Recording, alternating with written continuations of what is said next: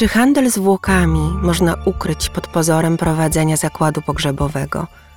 Czy donacje martwych ciał mogą być intratnym przedsięwzięciem? Mam dla Was historię matki i córki, które przez 8 lat oszukiwały swoich klientów i władze, zarabiając krocie na zwłokach.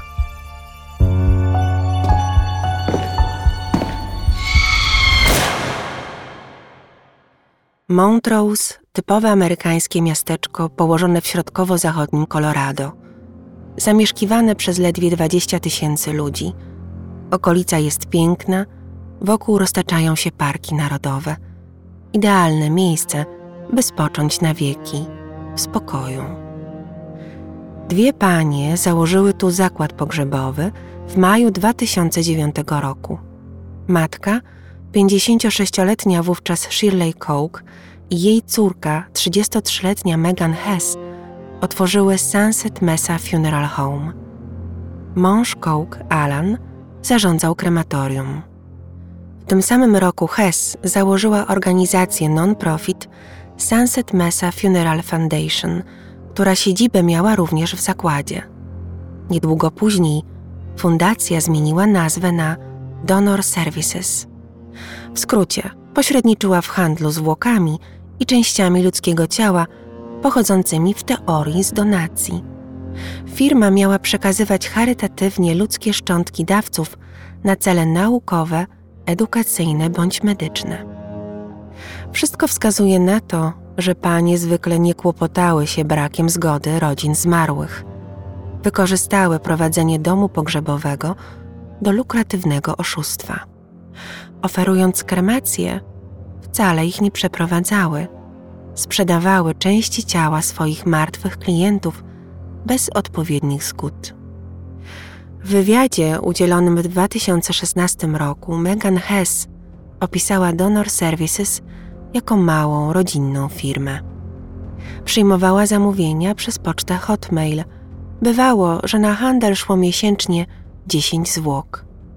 Na jej stronie internetowej można było wybrać z menu poszukiwane organy czy części ciała, wypełnić kilka formularzy, kliknąć Dodaj do koszyka i wprowadzić numer karty kredytowej. Procedury były bardzo proste. Nabywcy nie byli świadomi, że ciała pochodzą z kradzieży. Hess w swoim biogramie umieściła informację, iż uzyskała doktorat nauk pogrzebowych. Oczywiście go nie zrobiła, bo nie ma takiej gałęzi nauki. Sfabrykowała ponadto certyfikat Uniwersytetu Nauk Pogrzebowych, który wisiał u niej na ścianie w gabinecie domu pogrzebowego. Po tym, jak dziennikarze Reutersa zaczęli węszyć, usunęła tę informację. W rzeczywistości ukończyła tylko szkołę średnią. Doktorat w opisie zamieniła na miłość do weterynarii. W wywiadzie mówiła, że praca tzw. Tak body brokera wykonuje, cytuję, to dla dobra świata, a ja lubię pomagać ludziom. Instytucje takie jak Donor Services uważa się za banki tkanek nietransplantacyjnych. Różnią się od branży zajmującej się transplantacją tkanek, co amerykańskie ustawodawstwo dokładnie i szczegółowo reguluje. Dostawcy transplantacyjnych tkanek muszą otrzymać zgody federalne i działać jako organizacje charytatywne. Nie wolno kupować czy sprzedawać do transplantacji ludzkich serc, nerek i innych organów. Jednak żadne prawo federalne nie zabrania sprzedaży zwłok czy części ciała na użytek naukowy, medyczny i edukacyjny. Niewiele przepisów stanowych zapewnia jakikolwiek nadzór nad tą działalnością. Oznacza to, że prawie każdy, bez względu na wiedzę specjalistyczną lub jej brak, może dokonywać sekcji i sprzedawać ludzkie szczątki, o ile ma do nich prawa. W 2018 roku Reuters zidentyfikował 34 body brokerów aktywnych w Stanach Zjednoczonych w ciągu ostatnich pięciu lat. 25 z nich zarabiało na tym procederze, pozostałych dziewięciu prowadziło działalność non-profit. Do nich należała właśnie firma Hess, Donor Services. Jeszcze kilka lat temu stan Colorado w żaden sposób nie regulował tych spraw. Był to też jedyny stan, w którym nie potrzeba było licencji, by prowadzić zakład pogrzebowy. Kontrole przeprowadzano jedynie wtedy, gdy spływały skargi na dany zakład. Sunset Mesa pobierał 1995 dolarów za zwykły pogrzeb i 695 za kremację. Ekstra koszty dotyczyły balsamacji zwłok. Większość brokerów oferuje usługę kremacji za darmo, jeśli rodzina oddaje części ciała zmarłego. Hess jednak pobierała standardowo opłatę w wysokości 195 dolarów. W sytuacji, gdy krewni chcieli odebrać pozostałe po donacji szczątki, kwotę powiększała o 300 dolarów. Opłaty podobno pokrywały koszty odbioru i przekazania zwłok według Hess. Jeden z dawców Hess, Rex Dunlap, walczący z rakiem mózgu zanim zmarł w wieku 78 lat, w 2016 roku oszczędził 200 dolarów na kremacji, zgadzając się na oddanie niektórych części ciała Donor Services. Zamiast zapłacić 695 dolarów, zapłacił 495.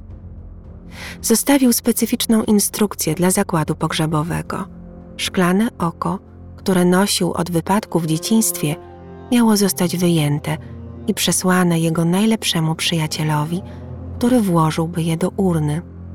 Mężczyzna miał otrzymać połowę prochów, a urnę z nimi i z okiem pochować w grobie ojca Dunlapa.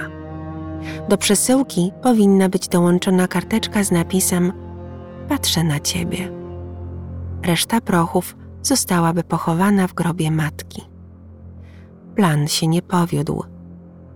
Kuzynka Dunlapa była przy tym, kiedy staruszek umierał. Shirley Coke przyjechała odebrać jego ciało. Kobieta przypomniała jej o wyjęciu oka. Coke odrzekła, że zrobi to następnego dnia. Nie zrobiła. Gdy kuzynka i przyjaciel zmarłego upomnieli się o szklane oko, stwierdziła, że je zgubiła. Potem jednak zmieniła wersję, mówiąc, że oka nie można było wyjąć. Wysłano je wraz z odciętą i zabalsamowaną głową do odbiorców. Po kilku tygodniach Hess powiedziała, że nie jest w stanie odzyskać oka, bo nie można namierzyć badacza, który otrzymał głowę Dunlapa. Rodzina zmarłego zagroziła jej zgłoszeniem sprawy odpowiednim władzom. Wówczas Hess wypisała czek na 500 dolarów. Był to zwrot kosztów, jakie poniósł zmarły i dodatkowo 25 dolarów. Tym sposobem obrotne właścicielki zakładu uciszyły niezadowolonych klientów. Przynajmniej na jakiś czas. Donor Services wypuściło broszurę opracowaną przez Megan Hess i zachęcającą do oddawania całych zwłok lub części ciała po śmierci. Hasłem przewodnim były słowa: bądź bohaterem, bądź dawcą organów. Powinno chyba brzmieć: daj się okraść z własnego ciała. Firmę zamknięto 6 lutego 2018 roku, gdy wyszły na jaw, delikatnie mówiąc, nieprawidłowości w prowadzeniu zakładu pogrzebowego. 7 lutego zamknięto fundację Donor Services. W końcu 2017 roku była menadżerka Sunset Mesa, Carrie Escher, złożyła doniesienie na policję. Była świadkiem, jak Hess i Coke ograbiały zmarłych – wyrywały im złote zęby i wypełnienia, które potem sprzedawały za gotówkę. Matka Hess, która przeprowadzała balsamowanie i rozczłonkowywanie ciał, osobiście wyciągała złote zęby. Za część pieniędzy z ich sprzedaży opłaciła podróż całej rodziny do Disneylandu. Inne zgłoszenia i skargi na Sunset Mesa dotyczyły dziwnej zawartości urn odbieranych z krematorium – na pewno nie były to ludzkie prochy. Na stronie internetowej zakładu kobiety prowadziły zbiórki pieniędzy na kwiaty dla zmarłych, które nigdy nie docierały ani do ich rodzin, ani na pogrzeb. Ich pazerność nie znała granic. Wszędzie wietrzyły biznes. W trakcie ostatniego pożegnania nie pozwalały odsłaniać ciał wystawionych w trumnie, tylko i wyłącznie twarze zmarłych. Balsamowanie przeprowadzały na własną rękę, często wbrew woli rodziny. Ewidentnie coś robiły z ciałami, co chciały ukryć. Wkrótce na Facebooku pojawiła się grupa zrzeszająca osoby pokrzywdzone przez obie panie. FBI nie zlekceważyło sprawy i zgłoszeń. Wszczęto śledztwo. Nie znaleziono w całych Stanach Zjednoczonych ani jednej firmy, która jak Sunset Mesa łączyłaby usługi pogrzebowe, kremację oraz obrót zwłokami. 17 marca 2020 roku obie kobiety aresztowano i postawiono im łącznie dziewięć zarzutów, w tym oszustwa i transportu niebezpiecznych materiałów. Ujawniono ku rozpaczy bliskich, że Hess i Coke sprzedawały całe ciała lub ich fragmenty bez niczyjej wiedzy i zgody. Tam, gdzie zgodę uzyskiwały, zazwyczaj chodziło o niewielkie części ciała, wycięte nowotwory lub fragmenty skóry. Za każdym razem przekazywały dalej znacznie więcej niż to było uzgodnione. Odcinały piłą elektryczną głowy, ramiona, nogi, palce i wysyłały w różne miejsca. Części ciała umieszczały w przenośnych lodówkach.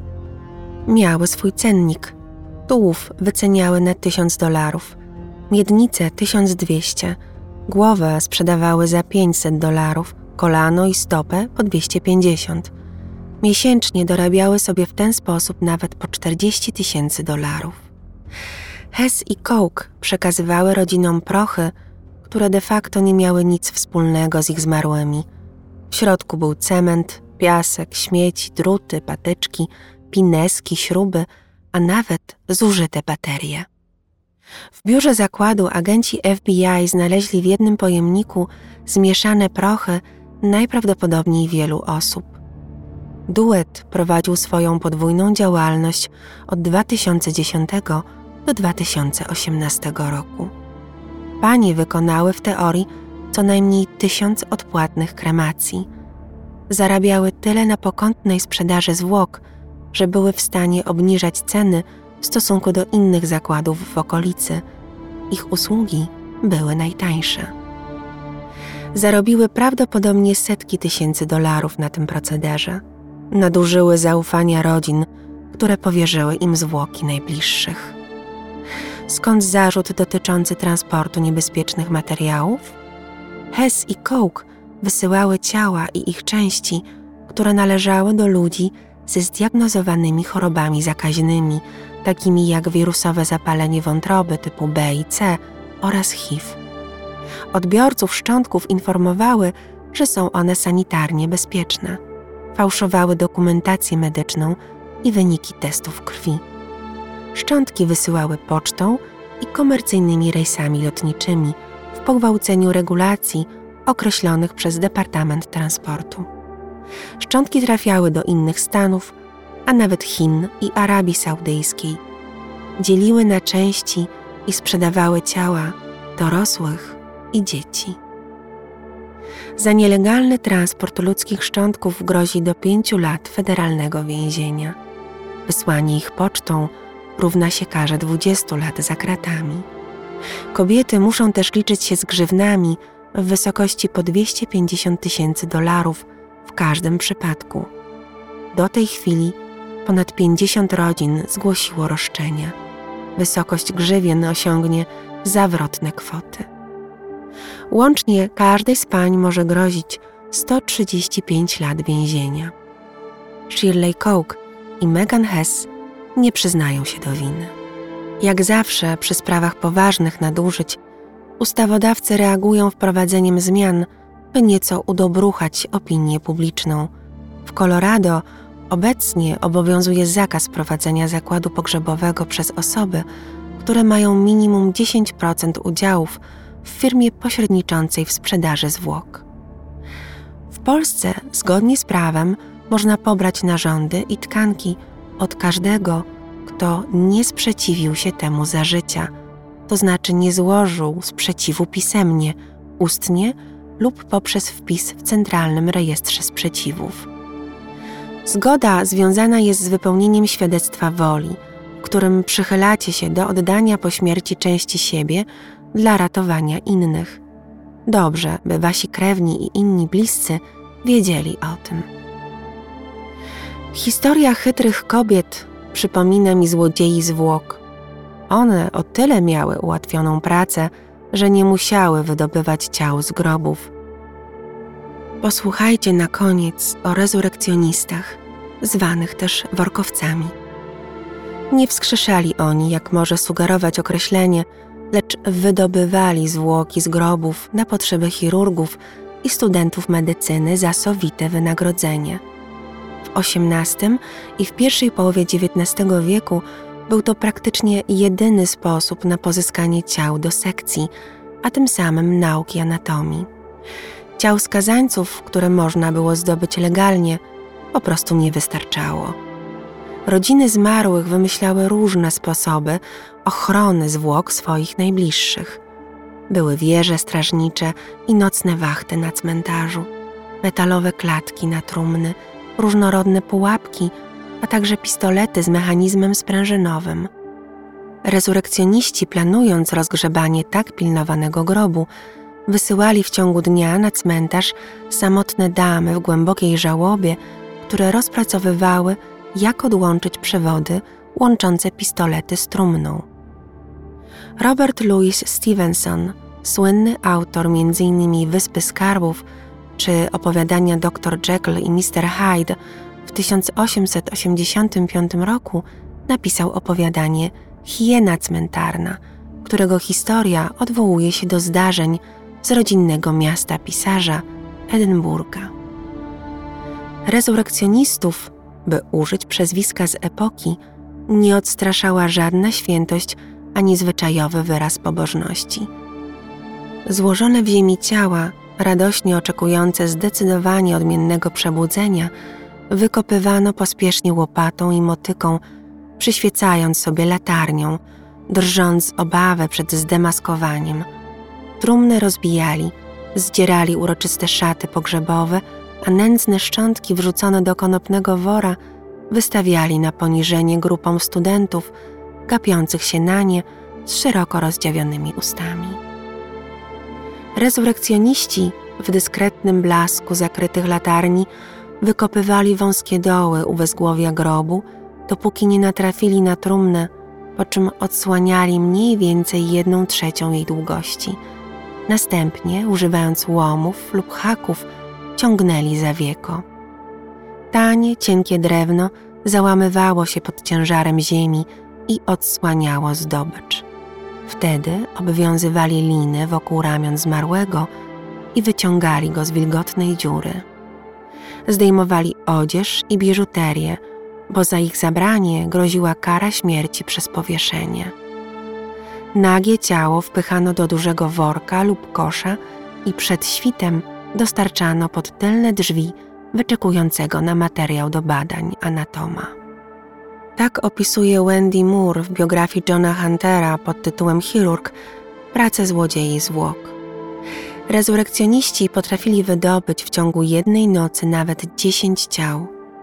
Zwłoki dzieci wyceniano za cal, a zwłoki osoby chorej na niezwykłą lub rzadką chorobę można było wytargować za znacznie wyższą cenę. Duże koszty powodowały, że studenci, a nawet sami chirurdzy, osobiście wyprawiali się na cmentarz po świeże ciała. Historię Hessie Coke odtworzyłam dzięki artykułom z NBC News, Denver Post, The Colorado Sun i materiałów Reutersa oraz dostępnego w sieci oryginału aktu oskarżenia. Szczerze polecam Wam lekturę wspomnianego chirurga oraz książki Rzeźnicy i lekarze dr Lindsay Fitzharris. Teraźniejszość najłatwiej zrozumieć przez pryzmat historii. Dziękuję za uwagę. Jak zawsze liczę, że będziecie o tej historii jeszcze myśleli w kontekście tego, co stanie się z waszym ciałem po śmierci. Każcie rodzinie policzyć plomby w zębach przed pochówkiem lub kremacją. A może wasze wypełnienia były już kiedyś użyte w innych zębach?